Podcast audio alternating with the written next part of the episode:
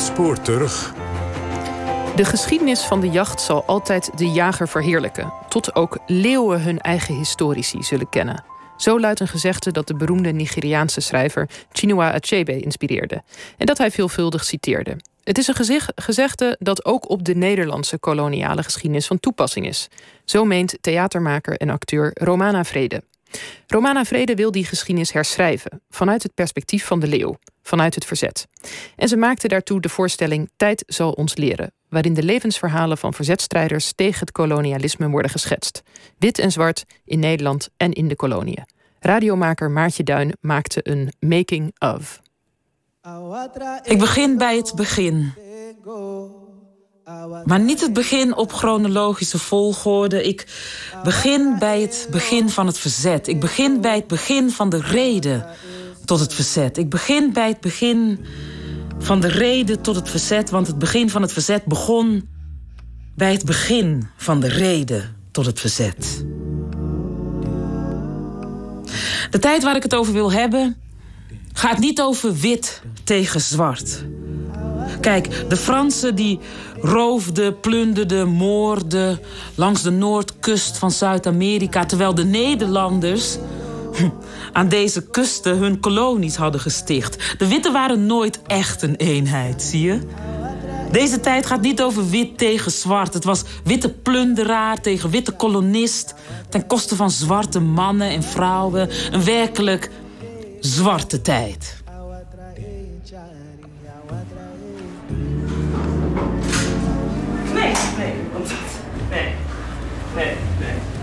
Hey. Ja, ja. Oké, ik ben er. Een vrouw komt haastig het theater binnengelopen. Ze draagt een goudkleurige bubbelcoat tot op de grond en bergschoenen. Het is februari en het heeft gesneeuwd. Ze hangt aan de telefoon. Ze groet, kort. Maar je had nog een vraag. Ja, sorry. Ja. Draait met haar ogen als ze weer doorwandelt. Ja. Romana Vrede. Theatermaker, gevierd acteur, schrijver, activist. Ik kwam net bellend binnen. En ik had een pittig gesprek met de dame van marketing. Want er is dus een uh, foto van mij. En ik heb altijd kort haar gehad. Of altijd. Ik heb uh, um, heel lang kort haar gehad. En die foto die uh, gebruiken we nu als flyer. Nou, hartstikke goed. En ik zo, ja, ik heb nu uh, ander haar, dus ik herken mezelf hier niet in. Misschien moeten we de foto inzoomen, zodat je niet echt per se ziet wat mijn haar is. En toen zei ze, ja, jouw haar heb ik besloten met twee andere vrouwen die hier werkt. Toevallig twee witte vrouwen. Is irrelevant. En toen dacht ik, dat is een racistische opmerking. Het is een beetje zoals we tegen Aziatische mensen zeggen... kan jij dat gele truitje weer aandoen, want dan weet ik tenminste wie wie is. Weet je, als er drie Aziatische meisjes bijvoorbeeld in de ruimte zijn. Zo van, Romana, kan jij je haar alsjeblieft kort houden, want dan herkennen we je. Dat je denkt, ja, mijn zwarte vrienden herkennen mij gewoon met... Maakt niet uit hoe mijn haar zit. Misschien zit ik te lang in het vak. Misschien moet ik stoppen met theater. Ja, dan ga ik gewoon schrijven. Word ik gewoon schrijven. Ga ik gewoon thuis een beetje zo schrijven. En dan heb je niks te maken met mensen. Snap je? Oké, okay, dit staat... Voor deze voorstelling heb je erop gestaan dat het een heel divers team is. Ja, ja, klopt. En want daar je... hadden we het dus net over. Want ik zei, wat zei de um, marketingmedewerker die ik erbij heb gehaald... die niet wit is? Oh ja, met haar heb ik het nog niet besproken. Dacht ik, ja, nou, kijk. Het zou fijn zijn als ik niet de enige was constant die iets moet adresseren. Met betrekking tot dit thema. Het zou fijn zijn als je op een werkplek komt waarin ik de norm ben. Waarin iedereen een zwarte queer vrouw is. Dat zou eens fijn zijn. Laten we dat eens doen. Romana werkt samen met muzikant en performance artist Ocean aan een nieuwe voorstelling. Tijd zal ons leren. Waarin ze de onbekende, bijna vergeten en verzwegen verhalen vertellen van 127 verzetstrijders tijdens onze koloniale tijd. Een ambitieus project voor het Nationale Theater in Den Haag. Wat gaan we vandaag doen, Willemijn? Vandaag wordt gerepeteerd met Noël Fischer, die de eindregie doet, en dramaturg Willemijn Barels. Vandaag gaan wij werken aan de volgende verhalen. Boni, als je kan, Sylvester. Oké. Volgens mij. Ik heb een kapotte stoel, dus ik moet even ruilen. Hoi. How are you? Goed. Heb je nog contact gehad met... eh Ja, ja. Ja, want ik vind het dus een topbeeld, hè? En ook jouw hoofd. Ja, Ik Ja. begreep dat, dat je daarover eh, over twijfelt, maar het is echt zo iconisch. Ja, jouw gezicht heb het ook, hè? Net met Ilja en met Tamara. Dus als daarover twijfelt, zou ik niet doen. Nee, het ging over iets anders. Oké. Ja.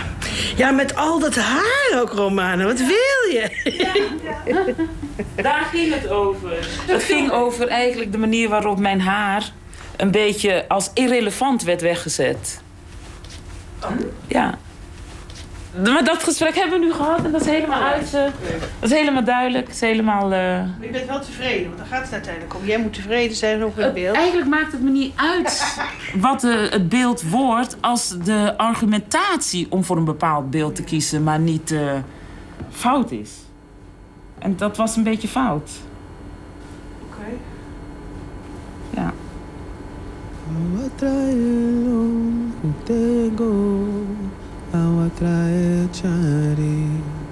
Het alle begin was natuurlijk dat eh, we bij het Nationale Theater te horen kregen dat de voorstellingen die we op de lijst hadden staan niet, geen doorgang konden hebben. Omdat het corona is en de voorstellingen te groot waren. Waren echt voorstellingen met een cast van 20 man en weet ik veel, 40 eh, figuranten en eh 30 man techniek. Dus er werden kleine voorstellingen gemaakt, monologen, dialogen. En er was zo'n rijtje van monologen en dialogen uitgekozen van Ibsen, Tsjechov, dat soort dingen. En ik dacht, ik ga dat nu niet doen. Ik bedoel, het was Black Lives Matter, zaten we middenin. Het was corona. Er gebeurde echt een hoop in 2020. Dus waarom zou ik nu een Ibsen doen? Ik snapte dat niet. En toen vroeg eh, Erik de Vroet, artistiek leider, aan mij... wat zou je dan willen doen? Ik zei, nou, ik zou wel iets willen schrijven... over eh, alle verzetstrijders ten tijde van de slavernij. Ik eh, was uitgenodigd door de organisatoren van de Black Lives Matter demonstratie hier in Rotterdam om te speechen bij op de Witte Brug voor 10.000 man. Ik was zeer vereerd dat ik gisteravond werd gebeld of ik hier wilde staan. Want ik werd die ochtend wakker. En ik kon mezelf er niet toe zetten om uit bed te komen. Ik rouwde ineens. Ik rouwde ineens om mijn moeder die twee maanden geleden is overleden. Ik rouwde ineens omdat ik me besefte dat zij, sinds zij hier in Nederland woont, iedere dag heeft gevochten voor ons. Mijn moeder vertrok iedere ochtend naar haar werk. En haar hoofd en haar gezicht en haar blik Om ons te beschermen. Om als iemand grapjes over ons maakte, om ze met een tjuri te verwelkomen. Om iedere keer als iemand zei dat we ons zo typisch gedroegen, om ze met woorden neer te slaan. We zeiden wel eens, mama, niet iedereen is een vijand. Maar nu snap ik haar beter. Wanneer je erachter komt dat racisme niet alleen maar bestaat het moorden van ons, of het opsluiten van ons. Maar wanneer racisme in het systeem zit, dan word je hard. Wanneer racisme in het systeem zit, dan word je boos. Wanneer racisme in het systeem zit, dan word je bang en dan sta je bijna niet meer op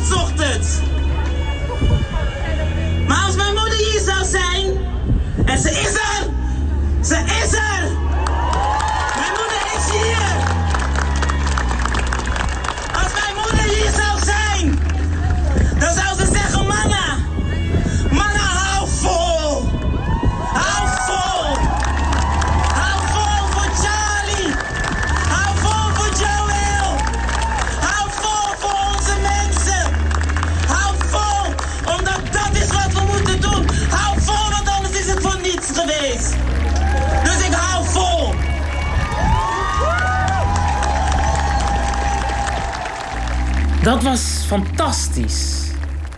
10.000 jongeren, wit, bruin, zwart. Uh, ouderen, wit, bruin, zwart. Queer mensen die uh, allemaal daar stonden um, om de moord op uh, George Floyd te herdenken. En zich daardoor te laten inspireren om, om nu een, een stap te zetten naar ehm, een stop naar dat geweld. We zetten nu een stap om nog duidelijker aan te geven dat dit moet stoppen. Die ontmenselijking, die openbare terechtstelling van een lichaam, van een mens.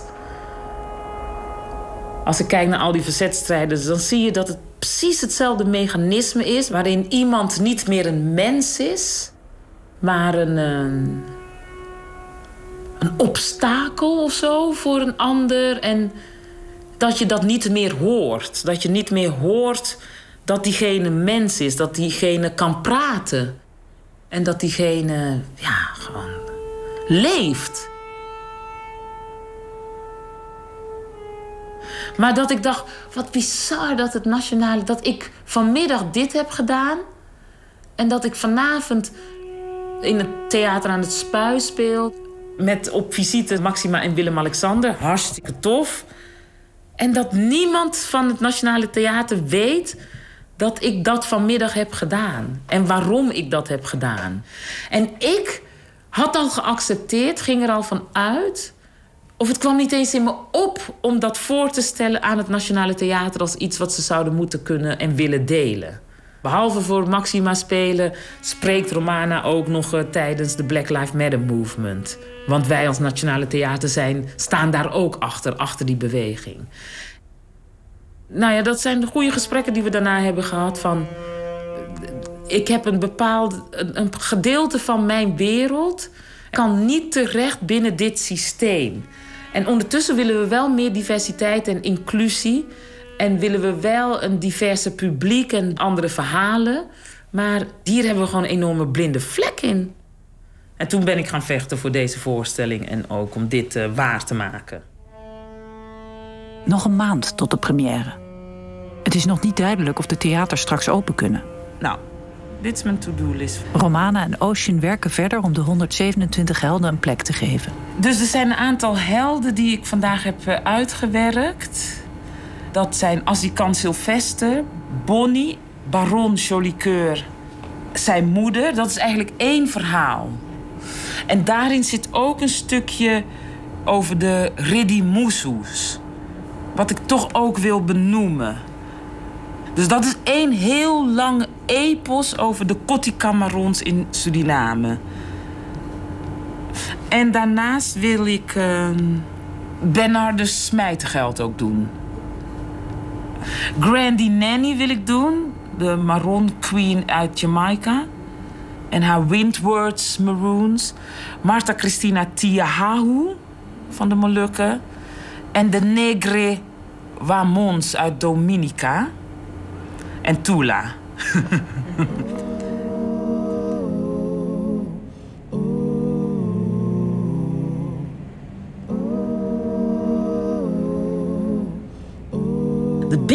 van Suriname. Assikant Sylvester werd de leider en maakte van de groep gevluchte ontheemde, ontvoerde, angstige, wanhopige mannen een gemeenschap. De Marons. Meer dan 50 jaar lang hield Sylvester de leiding over de Marons. En hij gaf leiding door tussen zijn mannen te staan. Assikant Sylvester was hun vader, hun rots. Door de tijd ontwikkelde zich een nieuwe taal in de binnenlanden van Suriname. Een taal waarin iedere stem een plek kreeg in het idioom. Um, ieder dialect, zelfs de talen van de kolonisten. Hm? En in de binnenlanden van Suriname horen we deze taal nog steeds. Het heet Aukaans of Saramakaans. Het bevat Ghanese, Congolees, Gebet, talen, Europese en pre-Columbiaanse woorden. En in zijn Maron-gemeenschap creëerde Assikant Sylvester ook veiligheid, tevredenheid en vrede. Met een politiek systeem en een leger Met een zorgstructuur, voeding en medicijnen, met kunst, met vertellingen, met muziek, zang, spiritualiteit en religie. Er was liefde. Er was warmte. En is dat een citaat wat je ook hebt Ja. gevonden, hè? Nee. Oh, dat heb je gewoon bedacht. Ja. Oh, super. Nee, dat maakt mij Ja. niet uit. Dat maakt, Ja. Daar zit ik Ja. allemaal niet mee, hè, Moet hij gezegd Ik probeer hebben. alleen maar in Romanus hoofd en in de feiten en in de legende en in Romanus hoofd. In zijn Maron-gemeenschap creëerde Assikant Sylvester ook veiligheid, tevredenheid, vrede. Er was liefde en warmte. Klopt het dat ik er dan achter denk... ehm, er was liefde en warmte. Ja. Zo stel ik mij voor. Ik zeg Ja. nu even wat ik denk. Maar Ja, ja, ja. ik zou het zo fijn vinden als jij dit vertelt aan ons namelijk. Nee, het is eerder van dat kan niet anders. Ja, maar zo wat... Het moet Maar zo. het is leuk als Romane dat soort dingen zegt, hè? Ja. Dat kan niet anders. Dat kan niet anders. Maar dan is het Je wel wilt jouw- ook gewoon ja. dat het zo geweest is. Dat Ja. begrijp ik ook. Ja. Dat eist Romana. ja. Ja, maar dat plaatst het wel in de context van dat, het, dat, het, dat jij dit vertelt. ja. Hoewel ik wel wil uitkijken dat het niet... dat het zo van, ja, dat wens jij, dat wil je... dat is gewoon bewezen dat je zonder liefde en noodzaak... kan je namelijk niet een Maron-gemeenschap stichten. Dus het is niet omdat ik het wil... nee. Het is gewoon omdat dit nooit onderzocht is... heb ik de feitelijkheid niet en lijkt het alsof ik 1-0 achter sta. Maar ik ken geen één gemeenschap wat gebaseerd is... en wat voort kan bestaan als er geen liefde Nee. en warmte is. Nee. Maar maar niet zo Nee. van, dat, zo moet het zijn. Nee, dat, Nee, nee, maar nee. eerder zo moet, dat, dat Zo, moet dat kan zo zijn. anders, Dat ja. kan niet anders. Hoe moet het anders? Hoe anders?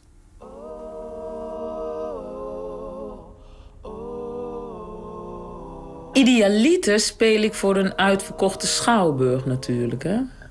Idealiter hebben we vier tribunes op het podium staan. Noord, West, Zuid en Oost. 15 rijen hoog en 20 stoelen breed. En er is ook een laag die op de grond zit. En daar zitten Ocean en ik tussen. Dus we zitten eigenlijk in een cirkel en die loopt uit in een soort arena.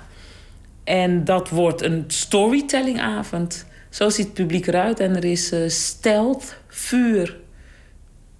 Toen ik dit project bedacht, kwamen we net uit de tweede golf. En toen kregen we net bericht over een vaccin. Dus ik weet dat ik gesprekken had met de productieleider over 150 tot 200 man wellicht. Tegen die tijd. We hebben niemand gedacht dat deze corona een jaar duurt. Dus, dus we leven een beetje per eh, maand of van persconferentie tot persconferentie. En dat probeer ik dus juist te tackelen door te zeggen... hoe dan ook die podcast komt er. En hoe dan ook die animatiefilm komt er. Of die documentaire komt er. Romana en Ocean zijn niet de enigen die nieuwe helden zoeken. Ook mensen met roots in Curaçao, Indonesië, de Molukken, West-Papua. Ja, top. Ja. Historici, curatoren, schrijvers, activisten. Romana nodigt ze uit voor talkshows. In de deftige Nationale Schouwburg zitten ze in een decor van palmen op elegante 19e-eeuwse bankjes. Ja. Met kristallen karaffen rum binnen handbereik. Veel plezier, mensen. En dit is zogenaamd live, maar als er iets misgaat, dan eh, pff, stoppen we gewoon, weet je. Hey.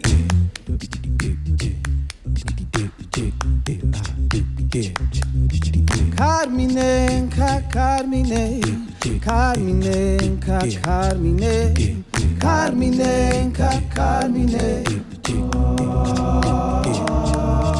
Al die helden heen gegaan, noem ze bij, noem ze bij de naam.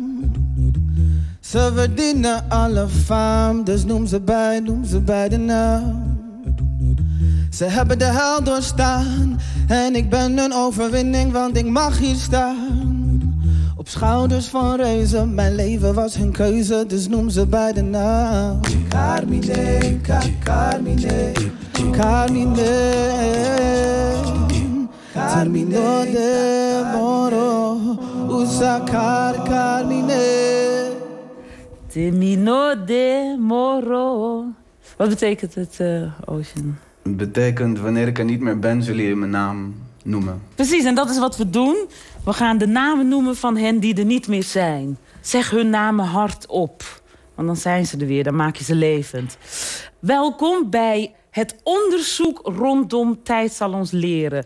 We zijn hier in de Koninklijke Schouwburg, in de Damesfoyer. Het meest kolonistische stukje wat we konden vinden in de Koninklijke Schouwburg.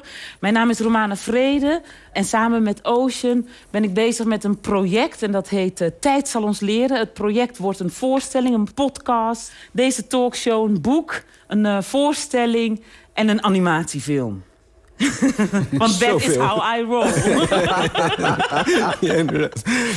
Um, in deze talkshows ga ik samen met mijn research team op zoek naar de geschiedenis achter deze verhalen. Ik wil namelijk meer weten over mijn geschiedenis en deze mensen die gaan mij daarbij helpen.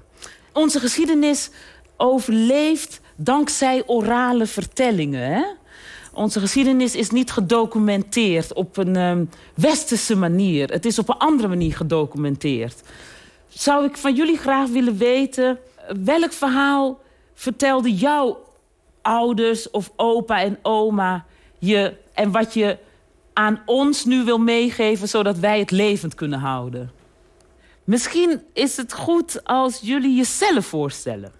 Uh, ja, ik ben uh, Raoul de Jong. Ik ben een schrijver. Uh, mijn vader die komt uit Suriname. Ik heb hem op mijn 28ste voor het eerst ontmoet. En ik ben me toen pas eigenlijk gaan verdiepen in Suriname. Wat, ik wist heel weinig over Suriname. En het eerste wat je dan tegenkomt uh, is nou ja, de geschiedenis van de slavernij. En hoe verschrikkelijk die was, dat wist ik niet. Welk verhaal heb jij uh, meegekregen? Ik wist dus eigenlijk heel weinig. Dus toen ik mijn vader ontmoette, het eerste verhaal waar ik zelf echt aan van ging... en waardoor ik dacht, oh, wat mooi, ik kom uit Suriname... en daar is wel iets te vinden. Ja. Iets misschien wat veel groter is dan wat ik altijd heb meegekregen op school. Ja. Uh, en dat was uh, ja, toen hij vertelde dat wij zouden afstammen van een, uh, een Winti-priester, een Bonuman... die de kracht had om zichzelf in een jaguar te veranderen. En dan... En nu, ja. jij bent Black Panther. Precies, daar dacht ik aan. Dit is Black Panther, dit is alles waar ik altijd van gedroomd heb. Gaan we naar Nina Jurna. Nina, waar ben jij nu? Hallo Romana, ik ben, um, ik ben in uh, Paramaribo. Kan jij iets vertellen over wie je bent en wat je doet? Ik ben uh, correspondent Latijns-Amerika. Op dit moment ben ik alweer een tijdje in Suriname, waar ik ook deels woon en werk. Uh, welk verhaal vertelde jouw ouders of opa en oma je en wat je aan ons nu wil meegeven, zodat wij het levend kunnen houden? Het is het verhaal wat in mijn familie speelt. Dat is een oud-oom van mij die tegen het koloniale regime gestreden heeft, Louis Doodle. En die ook opgepakt is in de jaren 30, omdat hij strijdt voor de arbeiders en tegen het koloniale regime. En 43 jaar lang is opgesloten in een psychiatrische inrichting, wat een gebruikelijke straf toen was. Dat activisten daar voor een jaar of twee jaar werden weggestopt, even uit de samenleving, omdat ze lastig waren. Maar hij heeft daar langer dan 40 jaar gezeten, tot zijn dood. En is in de vergetelheid geraakt, heel tragisch. En gelukkig, um, nou ja, is uiteindelijk is hij dus wel uh, eruit gehaald, maar is dus daarna overleden. Inmiddels helemaal platgespoten door medicijnen, elektroshokken.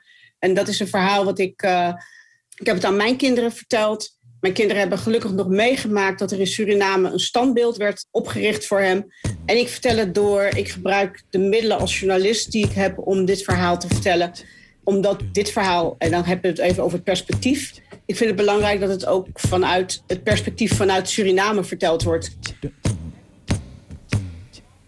Iedere keer lees ik nog steeds in mijn manuscript zinnen die vanuit een westers perspectief zijn verteld. En dan kom ik er vandaag bijvoorbeeld achter van... shit, er staat hier... het lukte de Britse of de Nederlandse zeevaarders niet... om het eiland te, weet ik veel, te belegeren. Ja, ja, ja, weet je... Kijk uit, want daar staat het weer. In mijn eigen woorden heb ik het overgeschreven. Heb ik het ook zo onthouden. Je denkt, niet doen, niet doen, niet doen. Weet je, dus dat is iets waar je gewoon constant, zeg maar zo, alert op moet zijn. Wat heb je ervan gemaakt? Uh, het, het, het lukte de, de uh, en dan noem ik alle twaalf uh, kapiteins.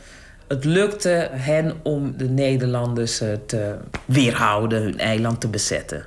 Okay. Dus dan zet ik die kapiteins voorop. Dan geef ik hun de macht dat zij het hebben gedaan. In plaats van, ja, het lukte de Nederlanders niet. Nee, het lukte hen wel. Wat onze ouders ons vertelden is dat de slavernij is afgeschaft, maar het systeem niet. Dus je, zit, je bent nog steeds onderdeel van het systeem. Misschien zit je iets minder aan de dupe kant van de medaille, maar je zit, bent nog steeds onderdeel van het systeem. Ja, ik heb geleerd om uh, te herkennen in de verhalen van de witte mensen. Ik heb me geleerd om mezelf te herkennen in de verhalen van inderdaad een Ibsen of een Tsjechov.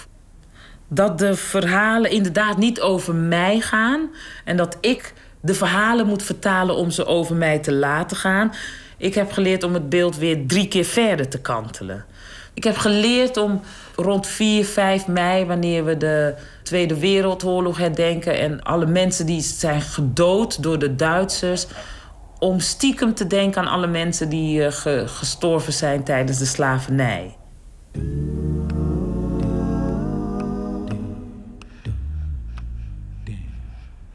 Um, eigenlijk wil ik jullie zeggen. Ik heb punt A en ik heb punt C. Maar ik weet niet wat punt B is. En dan heb ik punt F en punt Z. En wat ik dus doe, is al die gaten opvullen. Met je eigen. Met gefundeerde fantasie. Ocean die zegt dan tegen mij: pak gewoon de flow. Zo, zeg tegen jezelf: hoe moet het zijn gegaan? Verplaats je in Tula, verplaats je in Granny Nanny. Wat wij niet kunnen doen is door witte mensen geschreven boeken raadplegen... die over onze symbolen en betekenissen gaan. Omdat zij hebben nooit de antwoorden gekregen die voor hun bedoeld zijn. En dat is het. Ik denk dat we daar ook van af moeten. Van wijzen met, ja, maar als je het niet kan bewijzen... dan is het fout. Kun je het bewijzen? Wat is je bron? Laat me zien waar je het vandaan hebt. Dat is zo westers om te denken dat het zo zwart-wit is. Ik voel me ineens inderdaad heel verdrietig worden. Omdat je het niet kan uitleggen, is het niet waar. Juist. Omdat je het niet kan documenteren, moet je je mond houden, Romana. Weet je, wat hebben jouw voorouders jou geleerd? Want het is niet opgeschreven, dus het telt niet. Het telt niet. Dat is verdrietig, dat, dat is, ook verdrietig. Ja, maar ook heerlijk om het van je af te schudden. Ja, klopt. Ja. We all come from water. Having a meltdown so I can flow back. Oh, oh, oh, oh, oh.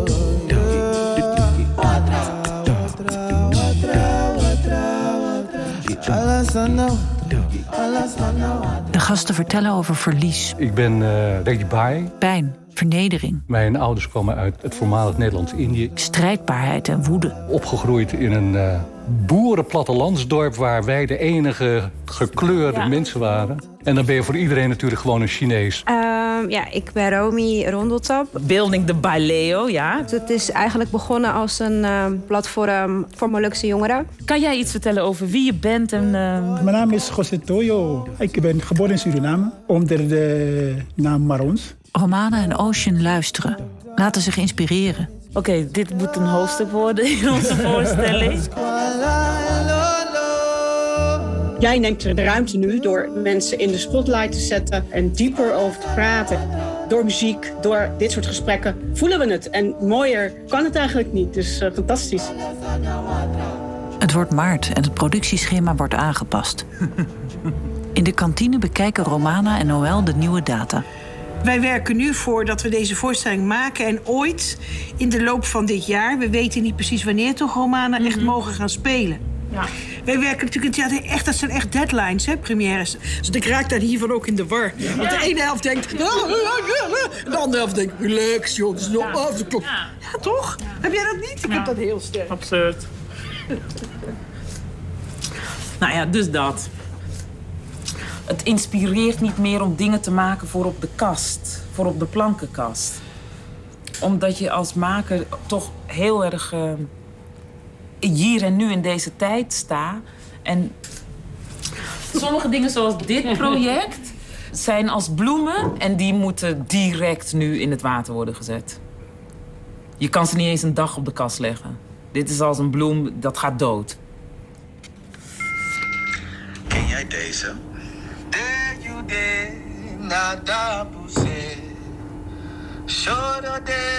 so far away. Squalla in lo winte wai no sabe, no alai. Karimas raíces ne. El pima en gran capte. En toen had Ocean het over dat hij heel erg geïnspireerd was door een zinnetje wat ik had geschreven over verzet door eh, zelfdoding. Door van de boten af te springen. Mijn familie zingt het altijd in Suriname bij ceremonies. Het zegt dus eigenlijk van ja, als je op zee bent en eh, de kust is zo ver weg en de, het water klotst en de wind waait en we weten niet waar we naartoe gaan, roep dan de naam van Jezus of God of whoever. Van de kapitein en de eh, bemanning. Ik zat gewoon te denken aan eh dat hele Middle Passage. En dat we eigenlijk in onze vertelling de hele tijd over oceanen varen. En in mijn optiek en in mijn beleving is dat verhaal van die zelfdoding as an act of uh, rebellion. As an act of uh, heldhaftigheid eigenlijk. Is nog niet zo heel veel verteld. En omdat het natuurlijk, ja, wat ga je vertellen? Dus niemand kan dit navertellen. Het is letterlijk, uh, we lost cargo, is het dan. Maar ik zou heel graag een stukje willen schrijven vanuit het perspectief van iemand in zo'n positie. En ik dacht, misschien kan ik dat combineren met dit liedje op de achtergrond. Uh, dit is misschien niet zo morgen te bespreken, maar ik dacht, ik deel het even.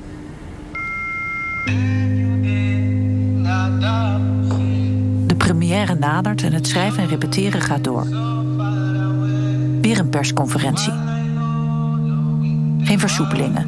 De theaters blijven dicht. Dus wordt het geen voorstelling met 150 man publiek. Maar wel een podcast en een televisieprogramma.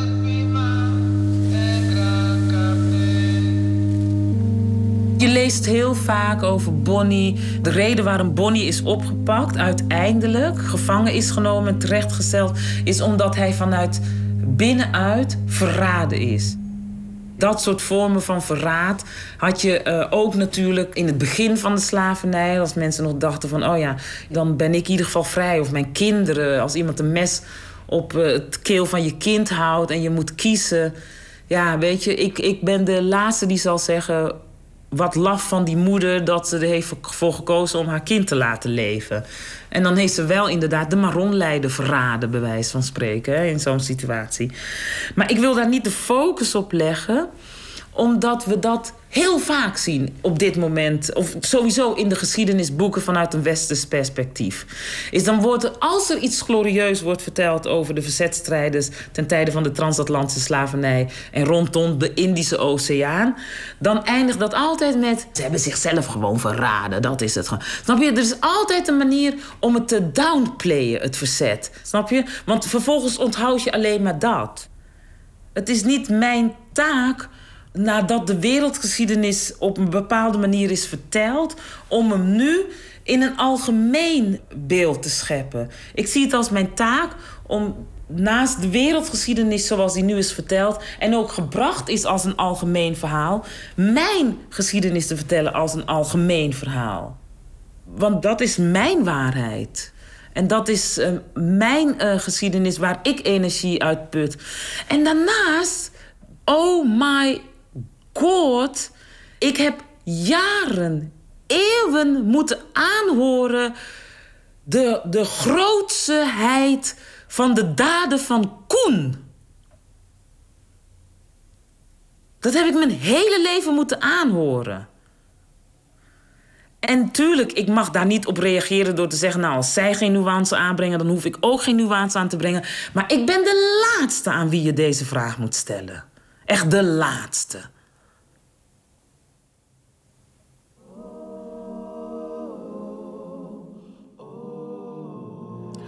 Ik begin bij het begin. Maar niet het begin op chronologische volgorde. Ik begin bij het begin van het verzet. Ik begin bij het begin van de reden tot het verzet. Ik begin bij het begin van de reden tot het verzet, want het begin van het verzet dat begon bij het begin van de reden tot het verzet.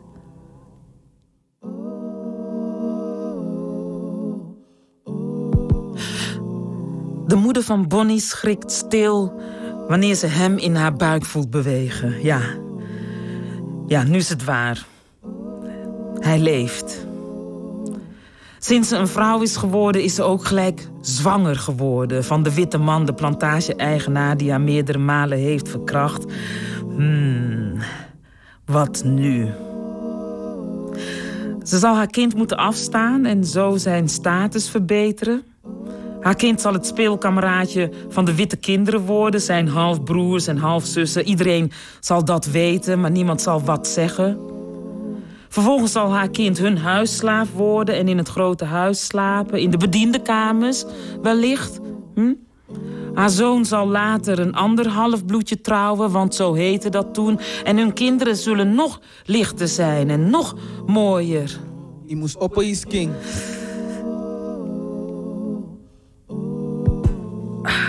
De baby in haar buik schopt haar weer. Is dit haar kind of, of is het zijn bastaard? En zal hij ooit weten dat zij zijn moeder is? En zal zij ooit van hem houden?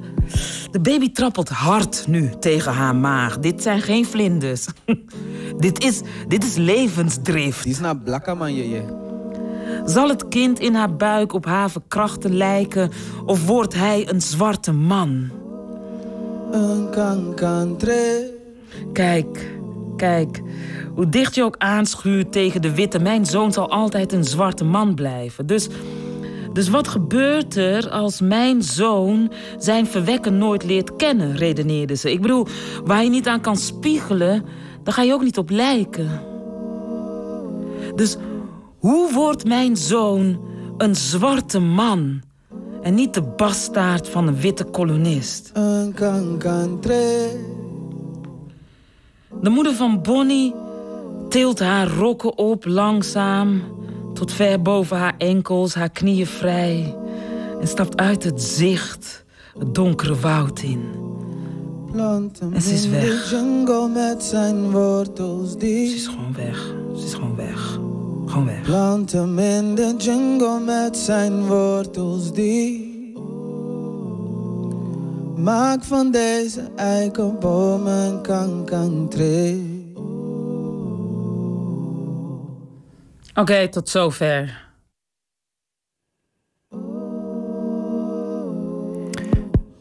U luisterde naar The Making of van Tijd zal ons leren. Interviews Maartje Duin, montage Wederik de Bakker.